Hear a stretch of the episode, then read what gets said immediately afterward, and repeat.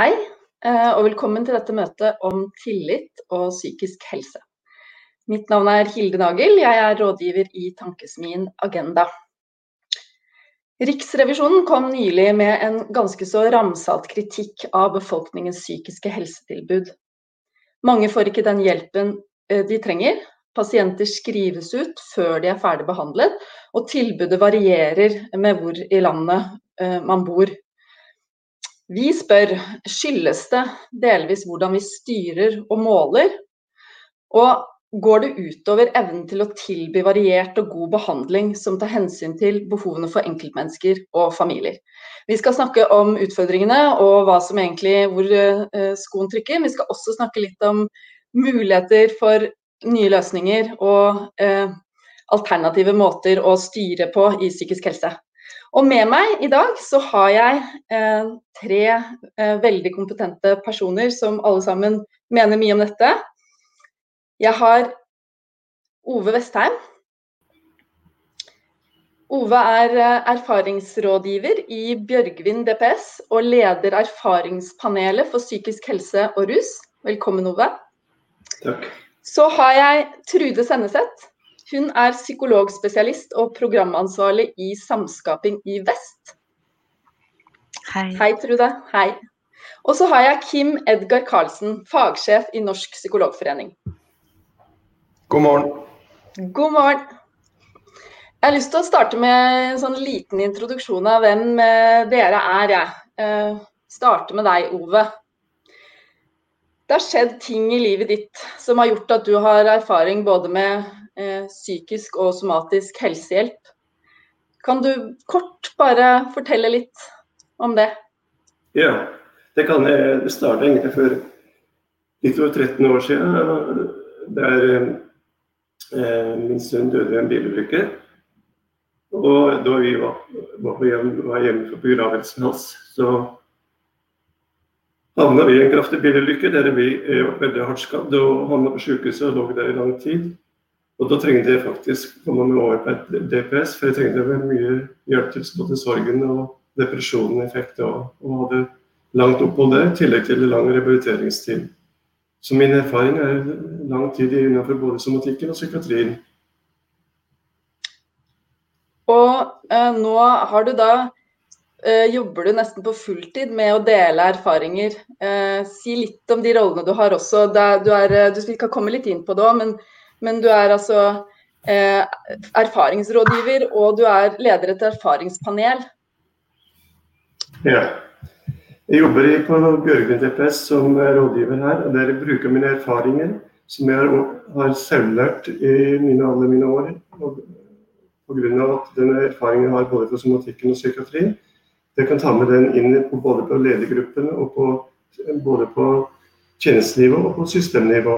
Jeg syns det er veldig viktig å bruke den erfaringen jeg har, slik at de kan være med å bedre sine tjenester og tilbud til et DPS. da. Mm. Og så leder jeg erfaringspanelet for psykisk helse og rus. Der er vi da mange kompetente personer men som har veldig bred erfaring, gjerne fra både for bipolar, schizofreni, eh, rus og psykiatri.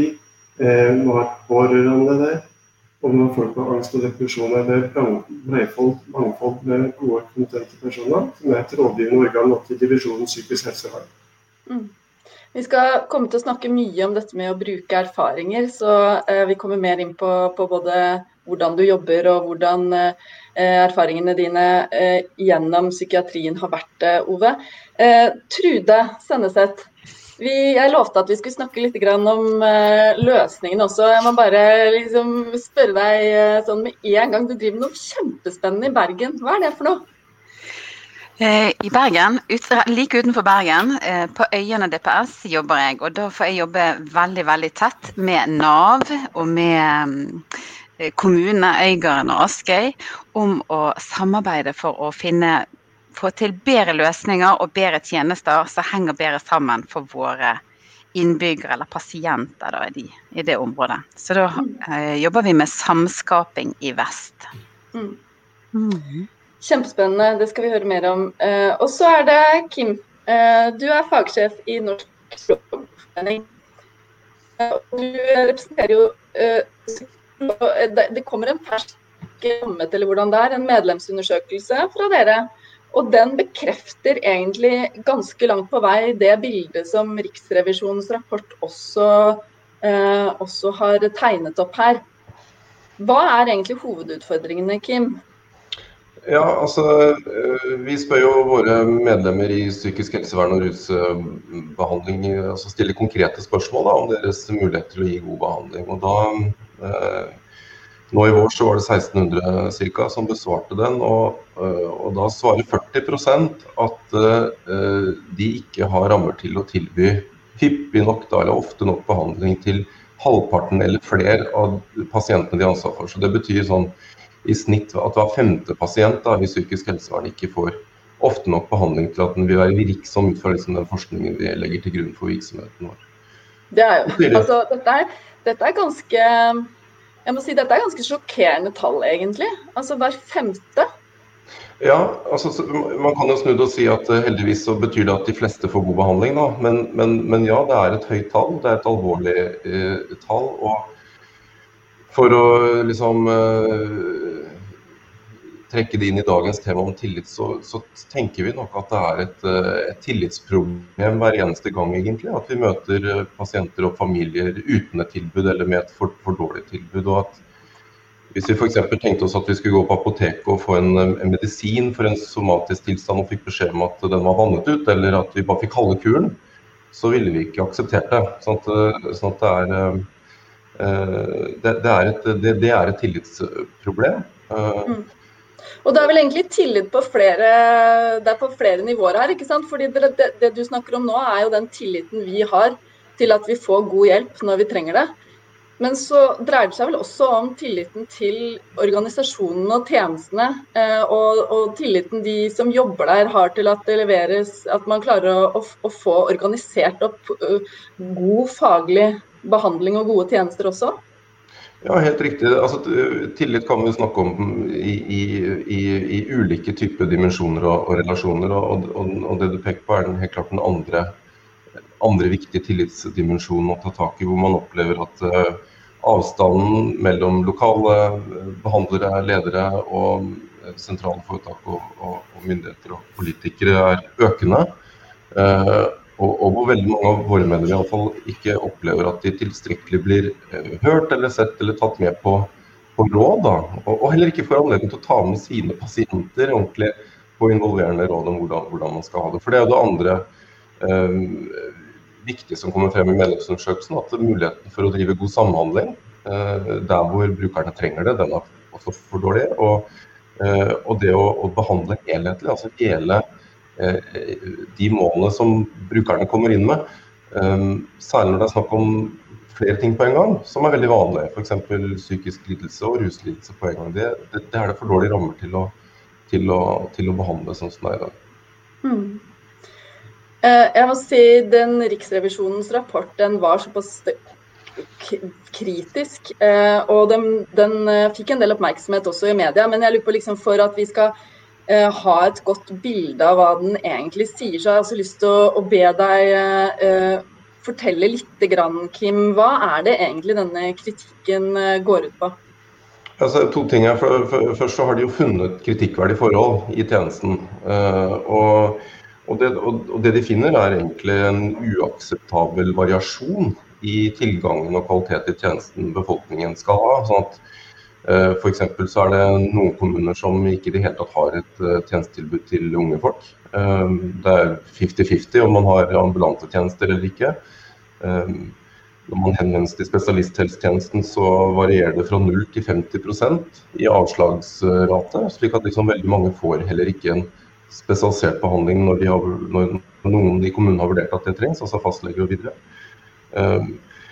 Og sånn som vi finner i våre medlemsundersøkelser, er det også variabelt hvorvidt man har rammer til å tilby såkalt evidensbaserte eller kunnskapsbaserte metoder, og særlig igjen for, for, for eh, rus og psykisk lidelse samtidig. Så Det er liksom kortversjonen av funnene. Og så er jo kritikken retter seg jo mot ansvarlige politikere. Eh, hvor, de, hvor de særlig påpeker to ting. og Det ene er at den såkalte gylne regel, altså den det virkemidlet da, som regjeringen har, har brukt for å, for å, kreve at foretakene prioriterer psykisk helse høyere enn somatikk, den har ikke vært levert på et eneste år av de seks årene den har vært i, i, i prøvd ut. Så, så, det betyr at uh, somatikkens uh, ressursutvikling har gått ganske i været, mens, mens, psykisk helse har stått helt stille i stor grad. Uh, det andre de peker på, er at det er mangler i de altså problemer med styringssystemene som også rammer inn tjenesten. og Da peker de særlig på kvalitetsindikatorene som skal være liksom det vi skal strekke oss etter av målsetninger og levere på for høy kvalitet. hvor de, hvor de hvor de adresserer det problemet at ingen av de kvalitetsindikatorene vi jobber etter, bryr seg om hvordan det går med brukerne, eller om behandlingen har nytte eller, eller hjelp. Mm. Mm. Jeg skal komme mer inn på dette, men jeg har lyst til å spørre egentlig et spørsmål åpent til alle, så kan den som vil uh, svare. Er dere overrasket over disse funnene, over denne rapporten? Jeg kan gjerne begynne, jeg. Med deg da, Kim. Ja. Eh, eh, nei, altså på ingen måte. Dette, dette har, har, vi jo mange tilbakemeldinger om fra, fra tjenesten. Så vi som liksom kjenner tjenesten liksom fra innsiden, syns jo ikke dette var overraskende, men likevel nedslående. da. Eh, det som, det som vi har sett i økende grad egentlig i løpet av siste åra, er jo en, en veldig sånn voksende Eh, bruk av ulike typer styringsvirkemidler, eh, som f.eks. Eh, ja, pasientrettigheter, detaljerte prosedyrer, pakkeforløp, kvalitetsindikatorer og andre prosedyrkoder som, som, som i og for seg, for seg, kan ha gode intensjoner om å bedre kvalitet i tjenesten og liksom, skape åpenhet og redusere ulikhet og sånn, men som i sum Eh, medfører en veldig sånn voldsom detaljstyring eh, på veldig konkrete aktiviteter og, og, og, og, resultater som veldig mange opplever at har ganske svak relasjon til det som kvalitet egentlig innebærer mm. for dem og for brukerne. Mm. Uh, og, bare for å ta liksom Hovedproblemet da, at det, at det er det vi liksom kan kalle for en sånn målforskyvning. At tjenesten blir mer opptatt av å levere på disse konkrete aktivitetene, prosedyrene, enn å faktisk uh, lytte og involvere og, og evaluere tjenesten uh, med gode prosesser. Mm. Det må jeg bare si, det er jo noe jeg kjenner igjen også, som har, laget noen sånne møter som dette tidligere om uh, behov for tillitsreform på andre områder, som både skole og, og, somatisk helse. Og det er i hvert fall på somatisk helse også noe vi snakket mye om der, at det blir en målforskyvning. At man ikke måler det som teller, men måler kvantitative indikatorer. Og også en styring som uh, gjør at uh, behandling og kvaliteten på behandlingen kanskje i enkelte tilfeller blir skadelidende. Da. Ove og Trude, nå har dere hørt Kim snakke litt. har dere noen refleksjoner rundt dette? Er det et bilde dere kjenner dere igjen i? Trude først, ja. Ja, det er gjenkjennelig og det er fortvilende. Fordi at eh, det blir en detaljstyring som eh, forstyrrer egentlig hvis du har lyst til å prøve noe nytt eller prøve noe annerledes. Så det er liksom eh, plukket ut sannsynligvis fordi at eh, det viser noe i forhold til noe, men kanskje ikke det som er viktig hvis vi ønsker å skape noe nytt og finne ut hva er det viktigste vi skal levere da, hva er det viktigste vi skal gjøre. Så det oppleves byråkratiserende. Mm. Mm. Ove, har du noen, eh, noen, tanker her? Ja, jeg kan jo kjenne igjen noe der, men jeg syns at noen skal se på det, det Vi gjør jo en del riktig òg, men samtidig peker på pinnen det som vi ikke er gode nok til. Det er nettopp det å lytte ordentlig til pasienten og finne et verktøy som virker pasienten i et behandlingsforløp. Da. Så det må vi finne det gode samlet verktøy der. Og det gjøres ikke uten eh, pasienten. Pasienten må bli involvert her. Mm. Uten at den er involvert, så får vi ikke noe god nok behandling og behandlingsforløp. Og Derfor vil mm. kanskje resultatene bli for dårlige. Og mm. jeg, kan, ja, jeg kan kjenne igjen noe til det her. Mm. Det, det, slår meg litt når vi snakker også, det er noen sånne ord vi bruker. Vi snakker liksom om produksjon og bruker og pakkeforløp. og er det, er det, egentlig et sånt eh, tegn på at eh, vi har noen styringssystemer i psykisk helse som eh, legger veldig vekt på hva skal vi si, markedstankegang og, og, er hentet fra et litt annet felt enn egentlig psykisk helse, er noe jeg eh, lurer på. Tanker om det, Trude? Ja, altså eh, Vi bruker jo kanskje mest pasient og pårørende, og, og, bruker kanskje ordene rundt produksjon ganske lite. Eh, og det med pakkeforløp, det kommer jo an på hvilken stol du sitter i. sant? For det er jo klart at det er noen sånne maktperspektiver her. Så hvem som skal ha makt? Er det de tilsatte? Eller som Ove sier, altså, brukerne har de rett og krav på å bli hørt. Vi er jo et system som ikke har tradisjon for å lytte så veldig til brukerne. Vi har brukt mye makt, utøvd mye tvang. Så det er jo også en måte å presse tjenestene til å, å bli mer oppmerksom på brukerne. Mm. Eller pasientene, eller uh, ja. Ja, for der, der, der, er du som ved kjernen av eh, noe jeg tror er veldig viktig. Da, Trude, at dette at når du skal vurdere om behandlingen fungerer, er det ikke egentlig da klokt å spørre ja. den som har, får behandlingen eh, selv, og deres pårørende? Mm. Eh, og Likevel så er det mange kommuner og poliklinikker i psykisk helsevern som ikke gjør dette. og Det kommer også ganske tydelig fram av, den, uh, av flere rapporter, egentlig, både de rapportene fra Sintef på pakkeforløpet og uh, Riksrevisjonens rapport, at pårørende og pasienter egentlig ikke involveres. Eh, det er sikkert noe du mener mye om, Ove, og vi skal snakke om det senere også. Eh, men, eh, men, det, men det, er helt klart noe av utfordringen her. Men så er det også Nå har jeg lyst til å snakke litt om, om, om dette med pakkeforløp. pakkeforløp sliter ut psykologene, sier Håkon Halvor Skar i Hva heter han? Han heter han heter Håkon, ja. Håkon, Håkon han heter Håkon Skar. Eh, i Dagsnytt 18. Så hva er egentlig problemet eh, i pakkeforløpene i psykisk helse? Er det sånn at man prøver å få inn der en måte å gjøre dette på som, som ikke egentlig egner seg for feltet, Kim? Eh, tja, det, det, det, er et godt spørsmål. Jeg begynner med å si at Det er ganske mange, det, det, viser seg gjennom de to evalueringene som har vært så langt, som Sintef har, har gjennomført, at det er ganske mange problemer eh, med dette virkemidlet da, i psykisk helse så langt. Men, men, jeg har lyst til å si at hovedproblemet litt sånn som, eh, som Trude peker på, er nok ikke intensjonene med, med, med, med pakkeforløpet som idé, eller eller heller det faglige innholdet nødvendigvis, men, men, mer innretningen på virkemidlet og ikke minst måten det er implementert på. Fordi mm. uh, altså, uh, igjen dette med ord. jeg tror Det har vært en kjempedebatt om det er et godt begrep eller ikke. Flere brukerorganisasjoner også som har pekt på behovet for, for uh, snakkeforløp eller andre typer forløp. altså At man, at man lager ganske sånn detaljerte, lineære prosesser for hva som skal skje innen ulike frister Eh, i et felt hvor kanskje hovedutfordringen handler om å fleksibelt tilpasse helsehjelpen til den enkeltes problemstillinger. og, og, og sånn. Mm. Det andre problemet med pakkeforløp er at den tradisjonelt sett som fra somatikken knytter seg veldig strengt til ulike diagnoser. Og det gir jo mening i felt der hvor, hvor, hvor det er veldig sånn eh, sterk sammenheng mellom hvilken diagnose du får og hvilken behandling du skal få, men det gjelder ikke i like stor grad for psykisk helsevern, hvor vi vet at det er veldig mange ulike tilnærminger som vil være hjelpsomme for ulike personer.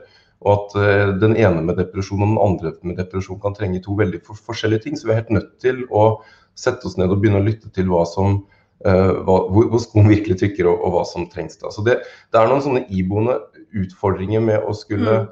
skape fleksibilitet og brukerinvolvering gjennom et, et ganske sånt regelstyrt ovenfra-krav.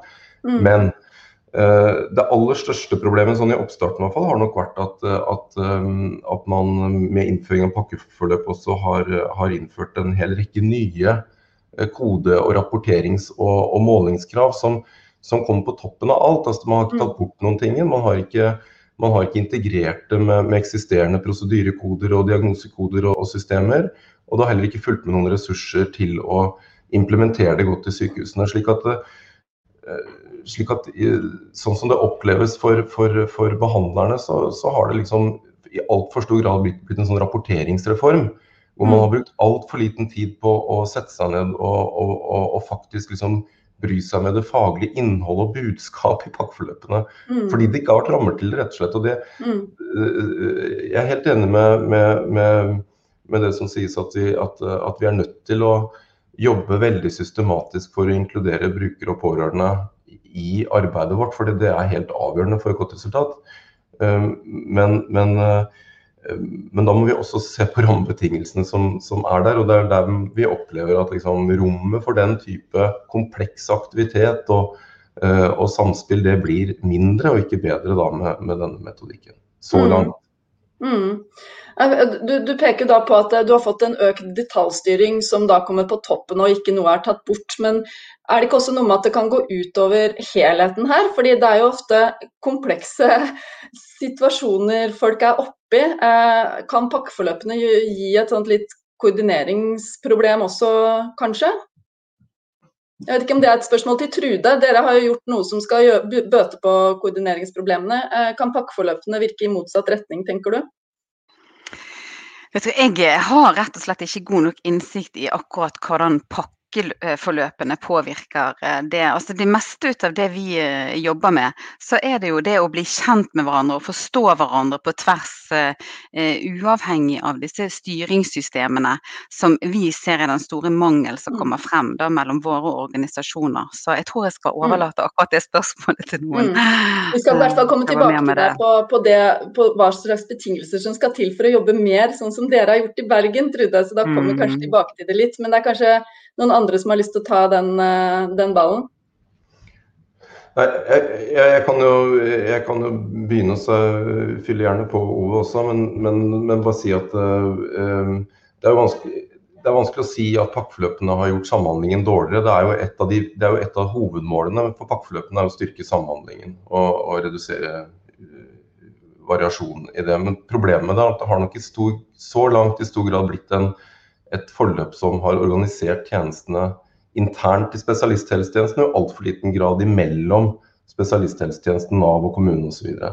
så Mm. pakkeforløpene har ikke noen løsning for det, sånn som det er, så langt, selv om det har vært et, en, en, et av eh, de sto, store målene. Mm. Eh, Det stilles noen krav til samarbeidsmøter og, og, og, noen, og noen evalueringer i, i sammen som, som kan være fornuftig, men, um, men, men det har ikke bidratt til den samhandlingen eh, i så stor grad som det skulle. da, Mm. så langt. Viser også evalueringene. Mm. Uh, ehm, det, er, eh, det er kommet et spørsmål her i chatten som dreier seg om kommunene. og Det er jo egentlig litt interessant. Er det sånn at man lager seg en, et styringssystem som skal gjelde for den bitte lille kommunen og den store kommunen eh, samtidig? Eh, er det noe av problemet her? At det er så store forskjeller mellom kommunene, men egentlig ikke forskjeller i hva slags krav som stilles til dem?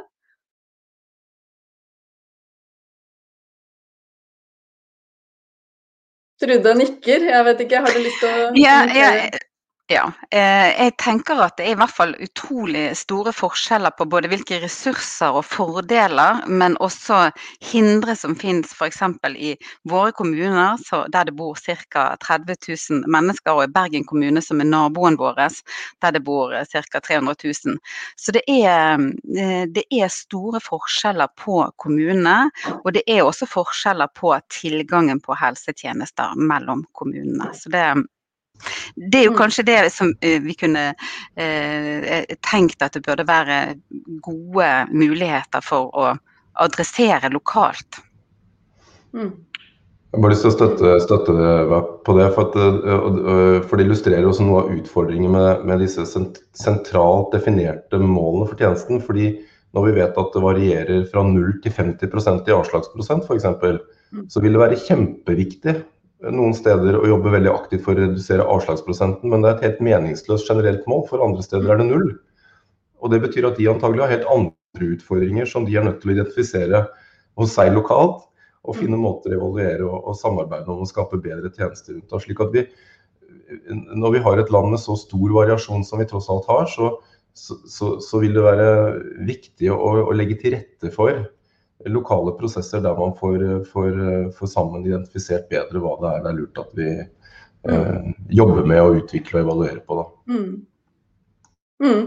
Um, før vi slipper pakkeforløpene helt, så har jeg også lyst til å nevne at uh, i den Sintef-rapporten som kom, som uh, spurte de, brukere og hva de uh, mente om pakkeforløpene så langt Dette er jo relativt nytt, da, sånn at det er jo det kan jo hende at noen av disse utfordringene vil bli bedre etter hvert, men da rapporterte nærmere halvparten av brukerne som var i det pakkeforløpet for psykisk helse og rus, at de ikke visste i det hele tatt at det var noe pakkeforløp der. Eh, det syns jeg er ganske illustrerende for i hvert fall behovet for å få inn erfaring tydeligere og bedre. Og den er egentlig eh, noe jeg tenker du har lyst til å kommentere på, Ove?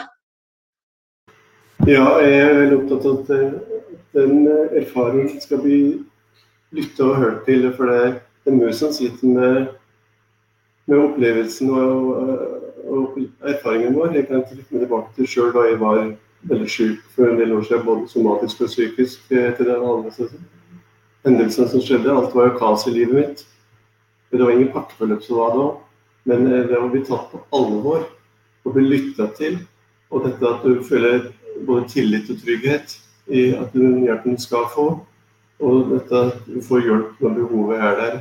Men samtidig er det viktig å ha den gode samtalen med behandleren, som er din hjelper. Og så er det selvfølgelig veldig viktig at du har muligheten til å trekke inn pårørende hvis det er mulig. For pårørende er, har faktisk eh, står midt oppi det. Men klarer ikke å få til et godt behandlingsforløp hvis de ikke eh, pasienten medbestemmer sjøl på sin egen behandling, og ikke hjelper en lytte til den behandlingen du sjøl kanskje tenker at det er best for deg. Og så ikke minst at hvis kanskje pårørende må ha en involveringsgrad. Da. Så jeg tror at, faktisk at nøkkelen er faktisk å, å samarbeide tett på pasienten og være lyttende til pasienten. Og så få lov til å bruke tid. Men vi trenger ulike tid, vi trenger ulike eh, behandling. Vi trenger å legge opp til alt sammen individuelt. Vi kan ikke legge, vi skal ikke legge fra A til Å, og nå skal det ut. Men vi må finne ut gode steg eh, step by step. Altså. Jeg tror det er veldig viktig. Jeg har aldri blitt så, så bra enn hvis jeg ikke hadde hatt behandlere stort på, og, og selvfølgelig har, vært klare mål og meninger om hva jeg ønsker i dette livet. Men du må bruke litt tid, og tid er noe vi har enkelte ganger når vi skal ha den gode behandlingen og måten skal finne ut den som er best for det. Dette her er veldig ulikt. Mm. Og det, det vet jeg sjøl, for jeg har jo hatt et, et, et opphold på sykehus igjen med et hjerteinfarkt og stor hjerteoperasjon. Og da måtte jeg i gang igjen med prosessen med, med trening og selvfølgelig ikke lov til å snakke med psykolog i tillegg. Og dette, dette er ting som vi ønsker sjøl, for vi vet at dette er veldig viktig for meg å komme videre igjen. da. Du klarer ingenting alene, du klarer ting kanskje sammen med noen. Og så vil vi prøve å finne gode løsninger og gode måter hvordan vi skal jobbe fram til det. Målet det er selvfølgelig tilfriskning og å finne håpet. Og da litt selvfølgelig behandle, kanskje sammen med erfaringskonsulenter, være brobygger i, i din prosess. da. Mm. Så dette har jo veldig mye å brenne vel for, og dette syns jeg er veldig viktig at vi snakker om. Mm. Trude, jeg så en liten hånd fra deg. Ja, det er veldig viktig det som Ove snakker om her. Og det går veldig igjen i de innsiktene som vi har samlet eh, hos våre pasienter. Sånn at det er utrolig viktig å få lov å ha hånden på rattet når det gjelder tempo og hva man trenger, hvor tid man trenger det. For det varierer så veldig eh, hva eh, eh, den enkelte pasient opplever som mulig egentlig i sin egen situasjon. Og eh, pasientene våre sier jo også, og der er vi på linje med resten av landet, at også at, at, eh, vi henger ikke sammen på tvers. Sant? Sånn at det som skjer i den ene siloen, kan vi kalle det da, sant? eller i kommunen, kanskje ikke blir tatt med inn på DPS. Og det som skjer hos oss, kanskje ikke blir tatt med videre til Nav osv. Så videre. sånn at vi har en kjempestor jobb å gjøre i tjenestene for å møte det som Ove snakker om her. Altså. Og det er helt avgjørende mm, mm. for å kunne gi god behandling. Mm. Det bringer oss egentlig litt over på neste tema, som er hvordan vi måler. Og hvordan vi måler kvalitet på behandling. Eh, så vidt jeg har skjønt, så er det da 19 kvalitetsindikatorer for psykisk helse. Eh, men ingen av dem som egentlig gir noen gode mål på om behandlingen virker, eller om det er god ressursutnyttelse. Eh, noen kommentarer på det? Start med Kim. Ja, Det, det, er jo også et av de problemene som Riksrevisjonen har, har, påpekt. Det er enda flere indikatorer da, hvis man tar med rusbehandling også, TSB, som, mm. som er, er en del av så er vi over, over 30. Og, det, øh, og, fortsatt så er det sånn at det, det i all hovedsak da vektlegges aktiviteter vi gjør, og hvor fort vi gjør det, da, for å si det veldig, veldig, veldig enkelt. Um, og det er et problem. Uh, og, det bidrar til denne målforskyvningen da, som vi, var litt innom i, sted også, hvor, hvor, vi, vi, får veldig sånn uh, orden i sysskrivene. Vi gjør alt riktig, rapporterer riktig. Og, så, og, så, vektlegger vi ikke godt nok skreddersøm, da, som dere er inne på nå, til den enkelte pasient. Altså, vi får ikke rom til det. Men det, det jeg er veldig opptatt av å si når det gjelder, gjelder, måling, det er at det er jo også noe med at det, som, det er noen ting som er lett å telle og måle, og så er det noen ting som er vanskeligere å telle og måle. Det er vanskeligere å telle og måle hva som er god kvalitet i psykisk helse. Det er vanskeligere å liksom entydig si hva det er. Det er vanskelig å telle og måle. Derfor så er det kanskje like så viktig som å diskutere liksom akkurat hva vi skal måle, og, og diskutere hvordan vi måler. Altså så Noe av den største problemet med dagens uh, målstyringssystem er at det blir en sånn regelstyring hvor vi leverer rapporter på hva vi har gjort, og så får vi beskjed om å utbedre hvis det er for dårlig. Mens, mens det vi heller hadde trengt, var jo mer reflekterende, evaluerende, involverende prosesser, slik at de tingene vi målte lokalt, Eh, resulterte i, i, i, i, god feedback som gjorde at vi sammen kunne utbedre tjenestene våre og bruke tid på å å finne ut hva betyr dette hvis ikke vi har levert på det, og hva, hva skal vi gjøre isteden. Så, sånn det, det, er mye liksom måten dette er satt i system på, hvordan vi måler, som jeg tenker er enda viktigere å adressere enn liksom akkurat hvilket mål vi skal bruke. Mm. Eh, Trude, du nikker veldig. Uh, hva tenker du? Jeg er helt, helt enig, og jeg tror det er helt avgjørende at uh, det er noe med at de målingene som gjøres, de må føles verdifulle for de som skal gjøre de, og de må føles meningsfulle i, i forhold til eh, hva de viser oss. For de skal jo på en måte vise oss vei for hvordan er det vi skal utvikle oss, de skal vise oss vei for hvordan vi skal gå videre. Og da er jeg enig med, med Kim her, at vi må vi ikke måle mange ting som ikke uh, oppleves som nært eller verdifullt eller meningsfullt for å skape endring. Så det med inkluderende og samskapende prosesser der eh, pasientene, de pårørende får en sterk og tydelig stemme, og der det ikke er bare overlatt til eh, helsepersonell å være de som på en måte definerer hvorvidt målet er nådd eller ikke, eller eh, bare mål som ikke oppleves som de viktige. Det er bare sånne tverrsnitt som kanskje gir noen bilder her og nå av hvor langt ventetid det er osv. Men, men ja, en annen type måling. Så, så ja, det, vi må mm. være nysgjerrige på hvordan det kan gi mer mening. For det er viktig å få målt. Sant? Det er viktig at Riksrevisjonen sier noe om at eh, hei, folk venter for lenge. Det er et veldig urettferdig eh, tilbud som blir gitt i Norge osv. Men, men eh, ja. Enig med Kim. igjen så kjenner jeg igjen dette litt fra arbeidet mitt med tillitsreform. og Der er jo et, eh, noe som de har prøvd ut ganske mye i Danmark, men som de også har luktet på i, i Norge og andre steder, er eh, lærende tilsyn eh, og dialogbaserte tilsyn. Og Der er jo nettopp tanken at det er i dialog med eh, til de, som på en måte er fagpersoner og de som har tilbudet, at man bestemmer seg for hvordan er det man skal måle. Og selvfølgelig også de som er eh, sluttbrukerne, da, for å, for å, bruke det ordet, men de som er pasienter og de som, er, eh, de som faktisk skal ha nytte av behandlingen. Så eh, her er det jo egentlig også modeller for å gjøre dette som utnyttes kanskje i Norge i litt for liten grad. Eh, Trude, det prosjektet ditt i Bergen er jo litt i den retning, er det ikke egentlig det? Jo, det vil jeg si. Sant? Sånn at eh, I Danmark så er jo de kanskje et hestehode foran oss her på det å dra brukeren helt sentralt inn i prosessen. Sånn at, eh, når det, at det er stemmen til eh, pasienter eller pårørende eller brukere av den tjenesten det gjelder, som først og fremst får uttale seg, som først og fremst får si dette er bra, dette er ikke så bra for oss, dette er vondt. Dette gjør at det er eh, mindre verdifullt å bruke tilbudet, rett og slett. Sant? I psykisk helsevern så opplever jo mange pasienter at det ikke er et godt møte med organisasjonen. Og det er gale nok å ha det dårlig. Eh, de fleste som kommer til oss er jo ikke fordi at de syns det er veldig kjekt, de, de, lider, de trenger hjelp. Og da er jo ikke det eh, så kjekt når møtet med oss også er dårlig. Sånn at det er mm. viktig å, å eh, dra inn alle aktørene i disse prosessene, sånn at vi kan lære av det. Ikke bare slå fast det er bra, det er dårlig, Mm. men hva skal vi Mm. lære ut av dette? Mm. Det, det bringer oss over på et annet punkt som flere av dere har vært innom, egentlig, men dette med å jobbe helhetlig. Og, og der eh, syns jeg det er veldig interessant og for så vidt litt skremmende å lese Riksrevisjonens rapport når det gjelder dette feltet med unge og, og rus og psykiske eh, problemer. Fordi der er det altså nesten 40% av kommunene som opplyser at behandlingstilbudet til unge, med samtidige psykiske plager og rusproblemer ikke er godt nok i deres kommune.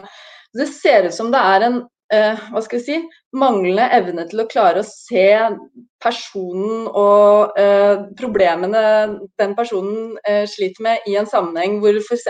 både kan være rus og, og psykiske helseproblemer samtidig. Og dette vet jeg at du har, har jobbet eh, mye med, Ove, og du sitter jo også som leder i dette erfaringspanelet for, for psykisk eh, helse og rus. Hva, hva tenker du når, når du hører dette? Nei, Jeg syns det er skremmende å høre at det ikke er gode nok tilbud, for det er veldig viktig. Jeg sitter i noe som heter faglig integrasjon, psykisk helse og rus. Nå kommer det faktisk et ny ROP-enhet i, i Bergen. En egen avdeling som skal bygges opp for det sterke psykiske lidelsene og samtidig ruslidelse. Så vi kan ikke la det falle mellom to stoler. Hvis vi å unngå det, så vil vi bygge en benk imellom og virkelig hjelpe deg til det, og, gi deg riktig hjelp, ikke sant. Og det, og, men vi klarer ikke det uten å ha gode tilbud. Og samtidig lytte godt nok til pasienten. For jeg sier at de får den hjelpen de trenger. Men når de spør hva slags hjelp er det du trenger, ikke sant. Og det det som er det viktige med dette er at du løfter deg opp mellom de to stolene og får gode nok tilbud. Og samtidig behandle deg godt nok. Mm. Er det noen andre som vil kommentere med dette med helhet? Det kan uh, dreie seg om andre felt enn uh, en, rus og psykiske problemer også. Kim? Ja, ja, jeg kan jo bare si at dette, dette, er jo en av hovedutfordringene. Særlig fordi vi vet at, at dette er regelen, kanskje snarere enn unntaket for veldig mange av de pasientene som oppsøker psykisk helsevern og rusbehandling. nemlig at at psykiske plager og rusplager de henger, henger ofte liksom tett sammen. Så vi, eh, altså vi har jo snakket litt om, om målstyring og, og, rapporteringssystemene, men noe av utfordringen også er at denne rapporteringen skjer veldig sånn i siloer. Slik at jeg som leder for min enhet jeg skal passe på at jeg leverer min aktivitet på de målene som er satt for meg, og, og utfører de aktivitetene som, som gir, gir, god uttelling i inntektssystemet, sånn som det er rigget i dag. Mens, mens, mens, vi må på en helt annen måte liksom lage rammebetingelser for at det er det som skjer imellom og på tvers med brukeren i sentrum, som vi skal sammen levere på, da, og som alle må ha en felles forpliktelse til, utover det som skjer inni min, uh, min silo. Så det er et kjemperelevant uh, område å, å, å, å, jobbe med. Mm. Det er kommet et spørsmål her fra dere som følger oss også. I hvilken grad fører privatisering til fragmentering og lite helhet i behandlingen? er et spørsmål. Er det noen av dere som har lyst til å følge opp på den?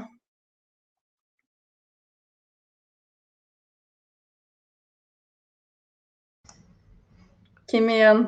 Jeg får, jeg får kaste meg ut på det da, når de andre dette er et vanskelig spørsmål. ikke sant? Det er jo så stort. Men, det, men, men, til det vi snakker om nå, så er det jo åpenbart at hvis man fragmenterer tjenesten i for stor grad, altså at man, at man etablerer for mange sånne enkeltleverandører av små enkeltaktiviteter innenfor et felt, så vil det skape enda større utfordringer når det gjelder å, å binde tjenestene godt sammen og skape helhetlig sammenhengende forløp. Det har vi allerede veldig store utfordringer med.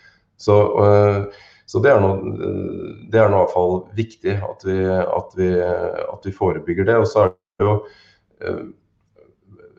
Det har jo vært en, en utvikling hvor, hvor, man, hvor, man, har innført dette fritt behandlingsvalgsystemet, bl.a. Hvor, hvor, hvor, hvor brukere får en pasientrettighet, og så kan man velge hvor man får behandling. Og da har det jo også vært stadig flere liksom, ulike private leverandører.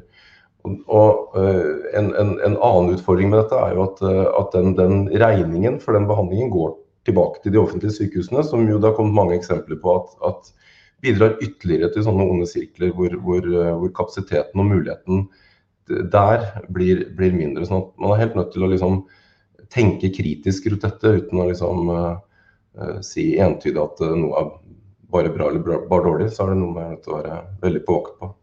Mm. Åh, tiden løper veldig fort her når vi har så spennende samtaler. Men jeg har lyst til å, få litt sånn god tid på slutten her også til å snakke om være konstruktiv. Og tenke hva er det vi kan gjøre. Nå har vi snakket mye om problemene og utfordringene. Men, eh, men Trude, eh, dere jobber på en helt ny måte i Bergen. Både for å skape helhet og sammenheng, og for å involvere på en annen måte. Hva fikk dere til å starte med dette? Hva var liksom utgangspunktet her? Altså, eh, vi hadde jo utfordringer akkurat sånn som alle andre med at vi fikk tilbakemeldinger på at tjenestene ikke henger godt nok sammen. Sant? At man ikke er helt fornøyd med hverandre, og at pasienter og pårørende ikke følte tillit til at eh, de får hjelpen de trenger når de trenger den. Men jeg må vel si at jeg har startet med litt sånne framsynte, kloke ledere. Sant? Både på Øyene DPS, men også i eh, kommunene så, og i Nav. At de snakket sammen og lurte på hvordan skal vi bli bedre sammen. Mm. At de gikk litt ut av det der å skylde på hverandre, og, og inkluderte da veldig mange mennesker i de prosessene om hva er det eh, som er hindre og barrierer hos oss, og hvor er det vi skulle ønske at vi var sammen for mm. pasientene våre. Mm. Jeg har sett en sånn presentasjon som du har holdt, og der er det veldig mye sånne nettverk. Det er veldig masse som kobler seg sammen. Det ser ganske krevende ut å jobbe på den måten også. Eh, hva har du opplevd har vært barrierene for å få det her til?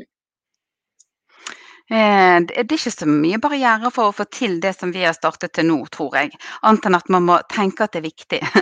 og så må noen ta på seg å begynne å, å, jobbe med den prosessen. Så det har egentlig ikke eh, vært mye barrierer i det samarbeidet som vi har etablert til nå. Og de nettverkene er jo etablert eh, for å ha steder å reflektere sammen og bli kjent med hverandre. Og skjønne hverandre sine perspektiver på hvor er det vi burde være, hvor skal vi bevege oss sammen. For akkurat det der bare med å bøtelegge hverandre hvis man ikke fyller uh, kravene, sant? det har ikke virket så veldig sånn samhandlingsfremmende, kanskje. Så disse dialogene på tvers i nettverk for erfaringskompetanse, som er jo uh, diamanten vår, Eh, lett tilgang på veldig engasjerte mennesker med erfaringskompetanse som villig deltar med sin kompetanse på hva bør vi gjøre, hva er viktig for fremtiden osv. Det er helt sentralt.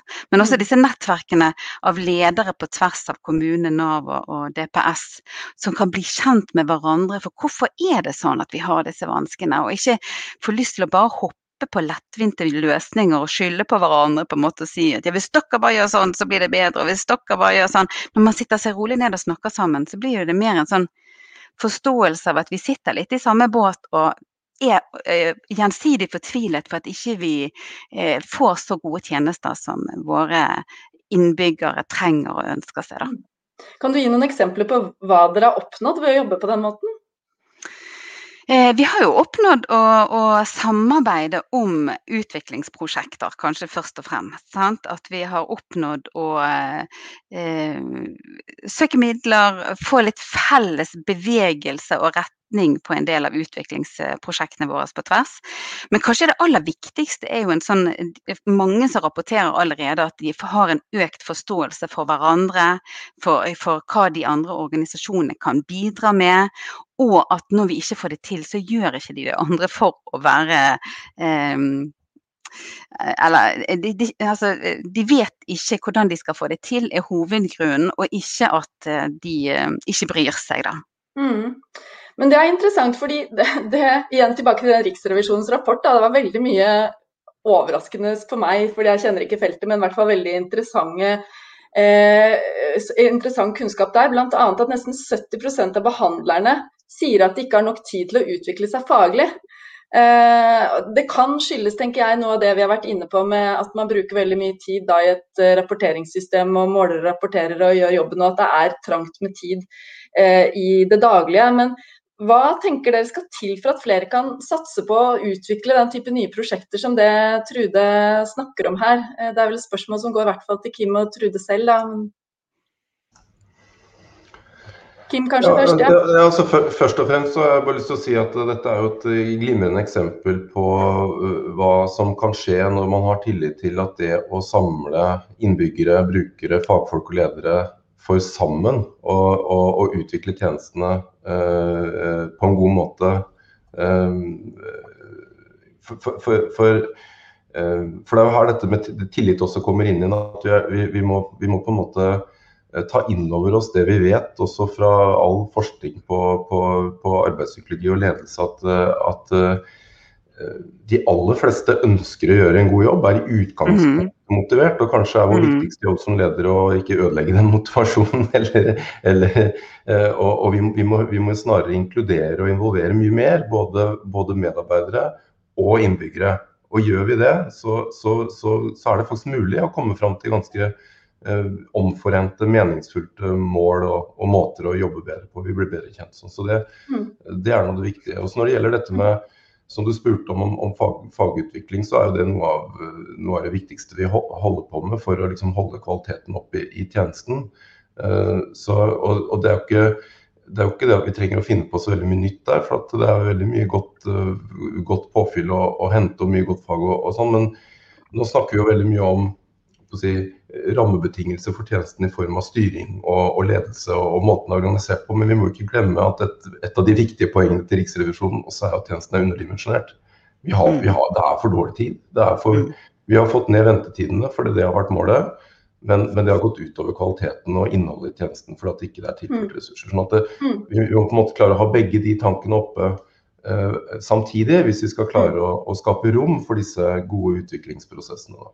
Mm. Det er kommet noen gode innspill på hva som er løsninger fra de som eh, er med, og, er med oss også.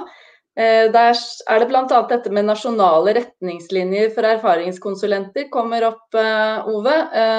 Pårørende må involveres, lyttes til når man møter systemet. Helhetshelse er viktig, og Bergen er en viktig nøkkel med sin framgang på erfaringskonsulentene. Vi har mye å hente der, står det. Og så er det en annen som skriver Eh, åpne et tjenestetorg à la Stangehjelpa. Vi har ikke helt tid til å forklare hva Stangehjelpa er, men det er jo veldig også det å jobbe veldig i nettverk rundt eh, de som skal eh, ha eh, hjelp, og de som vi, man er til for. Og så da legge den idealtypiske bruk, forbrukerinteressen til grunn for all tjenesteyting. Det er jeg ikke sikker på helt skjønte, men gå fra relasjon til arena er i hvert fall lett å forstå. Det er veldig mye det du også egentlig snakker om, Trude, å lage gode arenaer. Mm. Universell utforming, tilrettelegging og assistanse. Det er noe med på en måte å bygge nedenfra og tillitsbasert, uh, som jeg føler går igjen i begge de to uh, innspillene vi har fått der. Noen kommentarer på noe av dette? Trude kanskje først? Ja, altså, både, Det står også litt her om faktteamene, som er en, en, nydelig måte, veldig spennende måte å møte være, uh, brukerne sammen, eller pasientene uh, sammen, på tvers av tjenester. Det er også, Stangehjelpen har jo jobbet veldig systematisk med å ha brukerstemmen eller pasienten i fokus for den hjelpen som gis. Så det er klart at det er masse banebrytende arbeid, og dette med å bruke erfaringskompetanse mye mer systematisk. Så uh, absolutt kjempefine innspill, men jeg tror det er viktig å anerkjenne at ledelse i alle organisasjonene. De, også at de må satse på dette. For det at, eh, fagutvikling, det tenker vi ofte at det handler om at jeg skal finpusse akkurat på mitt fag. Mitt møte med pasienten. Jeg er psykolog. Og hvordan skal jeg møte pasienten? Og veldig lite på hva betyr det å henge sammen. For det at svikt i helsetjenestene, det handler også ofte om å mangle og henge sammen. Så jeg håper at det blir invitert mye mer inn i, i uh, fagutviklingen. Lytte mer til den det gjelder, og henge bedre sammen. Mm. Flott. Skal, jeg, skal, jeg, må få prate litt om et annet prosjekt som du også er involvert i, uh, Trude, som heter Stimulab.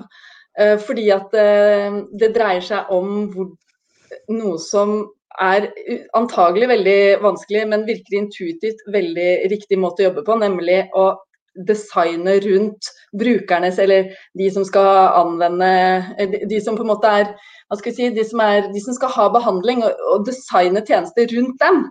Og, og, mm. dette er noe man kan lære veldig mye av teknologer på hvordan man jobber rundt dette. Og jeg har jo da skrevet en bok selv som handler om den digitale utviklingen og sett på en del prosjekter eh, hvor man nettopp lykkes hvis man er jobber lite og tett og nært og finner ut ok, hvis man skal lage designe en kontorstol, da, så må man finne ut hvem er det som skal sitte i den, og hvor mange timer skal den brukes. Og, sånn at du på en måte fokuserer veldig på behovene.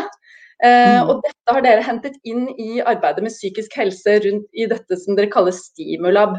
Og det er en nærhet her til nettopp til innbyggerne som er ganske spennende. Fortell om det, Trude. Ja, det er jo, som du sier, eh, en kompetanse som kanskje kommer eh, fra et annet felt eh, rundt teknologi og innføring av teknologi. Og for å få Og de har på en måte skjønt at vi er nødt til å gjøre det helt intuitivt og nyttig og hensiktsmessig for den som skal bruke det, for ellers så blir det ikke brukt. Mm. Det har ikke våre tjenester kanskje tatt inn over seg i samme grad, fordi at vi har for mange som trenger oss uansett. Men, men ja, det har vist seg å være vanskelig for oss som er fagpersoner fagpersoner å tilrettelegge tjenesten sånn at møtet med brukeren blir veldig bra.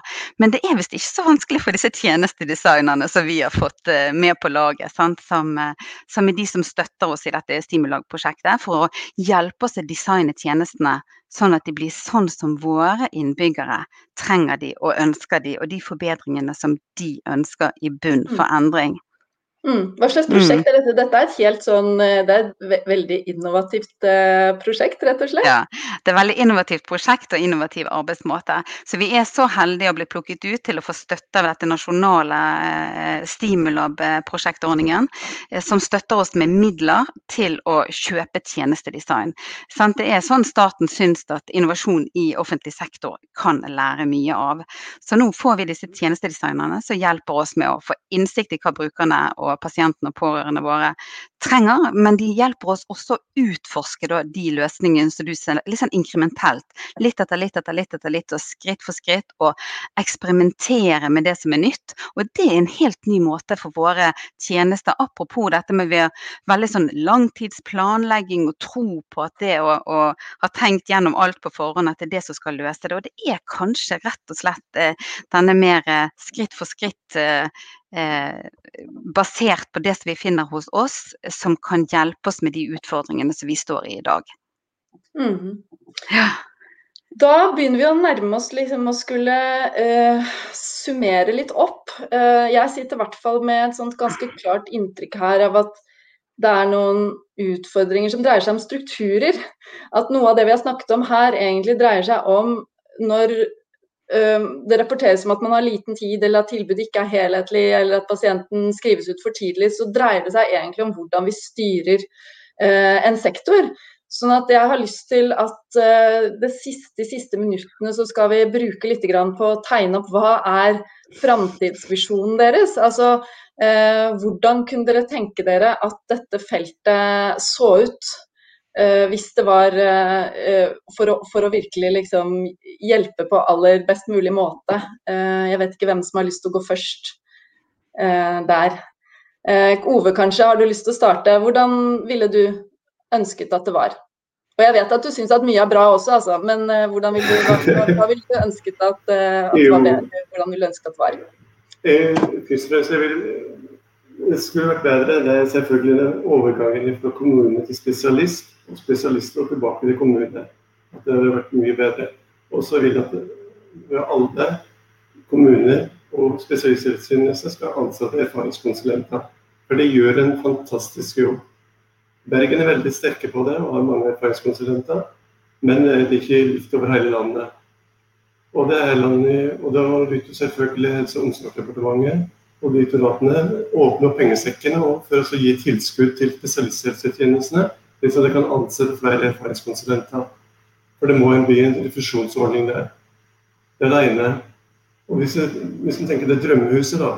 og tenker at Når man kommer inn i det drømmehuset, så skal man faktisk her skal jeg faktisk være. Her skal jeg være med å påvirke min egen behandling. Jeg skal være med å, å lytte til, til hva behandler seg, og omvendt at jeg skal lytte til meg. Og så her skal man trekke inn pårørende på, i, det, i denne behandlingen. Her skal vi virkelig ha et godt samspill og en samhandling som gagner pasientens ve og vel. Da. Vi klarer ikke dette her uten å ha det gode samtalepartnerne.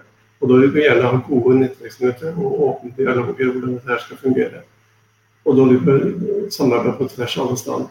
Og så vil vi tenke på dette med etter du har fått en behandling du skal, at du skal utskrives til noe. Og da er det veldig viktig at du utskrives til et sted der du kan komme og etterpå det, Da vil kommunen være påkobla med tidligfasen. Men det kan gjøres faktisk med og har avføringskonsulenter, så følger de til eventuelt et fontenehus eller Amelie Skram-hus eller et sånn et typisk godt etterlønnssted som passer nettopp med som person og som jeg føler meg trygg på. Kanskje jeg må prøve meg litt fram noen ganger.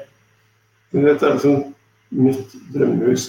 Så jeg tenker at det er veldig viktig. Men pasienten alltid i fokus. Hmm. Og det du beskriver der, er jo virkelig å sette pasienten i fokus, og ikke bare si at man gjør det. Så det er jo, eh, det er jo, veldig, det er jo veldig, lett eh, å bruke den retorikken, men å gjøre det i praksis, eh, det er det du ønsker deg og drømmer om. Ja. Bra. Trude, neste, neste ut. Ja, jeg må bare si meg helt enig med Ove et sånt eh, drømmehus, det hadde vært eh, kjempe, kjempefint å, få. Og så tenker jeg eh, som samfunnspsykolog også det at en god barndom varer hele livet, er det noen som sier. Så jeg skulle ønske at i et sånt drømmesamfunn, så skulle vi ønske at vold, overgrep og fattigdom var utryddet. Og et mer inkluderende samfunn med skole for diversity, altså nevroforskjellighet. Og forskjelligheter blir dyrket som en ressurs istedenfor å finne den retteste veien det, det tenker jeg. For det at eh, psykisk helse handler også veldig mye om hvordan vi henger sammen med eh, mm. det samfunnet som er rundt meg. Så det ja. er det er ikke som å operere et dårlig kne, det er eh, et, et, helt menneske. Ja. Mm. Kim? Nei, jeg, jeg, sitter og tenker at, eh, at, det å snakke om liksom, eh, Jeg er veldig enig i visjonene for, for feltet og tenker at det er veldig fint å drømme. Men det er jo nesten litt ille at vi skal sitte og drømme om disse tingene. For det burde ikke være noe annet enn en selvfølge at det var tilgjengelige helhetlige tjenester eh, til innbyggerne på dette feltet også. Eh, når man har behov for det. Og at ikke det avhang av liksom, hvor man bodde eller hva slags lommebok man hadde. slik at det er, Jeg syns jo det haster litt, da, ikke bare å drømme men, å, men å bygge dette. og da da kreves det eh, noen litt tydelige grep, både i, i rammebetingelser sånn, eh, på dimensjonering, at det er tilpassa befolkningens behov og ikke liksom, andre eh, beregninger. Og, og, så, og, så, må man gjøre tydelige grep i disse styre, styre, styremåtene som vi har hatt, hvor, hvor, det som særlig vektlegges er de lokale, gode prosessene for å skape oppslutning om de relevante, gode målene sammen og måter å evaluere og sikre god kvalitetsledelse, rett og slett. For at en lederperspektiv som Trude tar opp, det er helt kjempeviktig, men vi må satse på de, de, lederne som er nærme der hvor det skjer, de som har skoene på, uh, og de som kan virkelig bidra til å skape mm. kvalitetskulturer. Takk for det, Kim, og for at du minner oss på at her må vi være utålmodige og ikke bare drømme, men faktisk også stille noen uh, krav. Og det jeg hører dere alle egentlig snakke om, er behovet for en mer tillitsbasert uh, styring og ledelse innenfor psykisk helse. Uh, vi har også snakket om hvordan det kan gjøres, så her burde det være rom for forbedringer i morgen. Jeg tror vi har, avslutter der, og vil takke dere alle tre for en veldig god samtale, og for dere som har fulgt oss eh, også live. Eh, dette er et opptak som også kan eh, deles og ses senere, så jeg håper mange finner inspirasjon. og Det har vært noe av hensikten med denne samtalen. Tusen takk skal dere ha, alle sammen.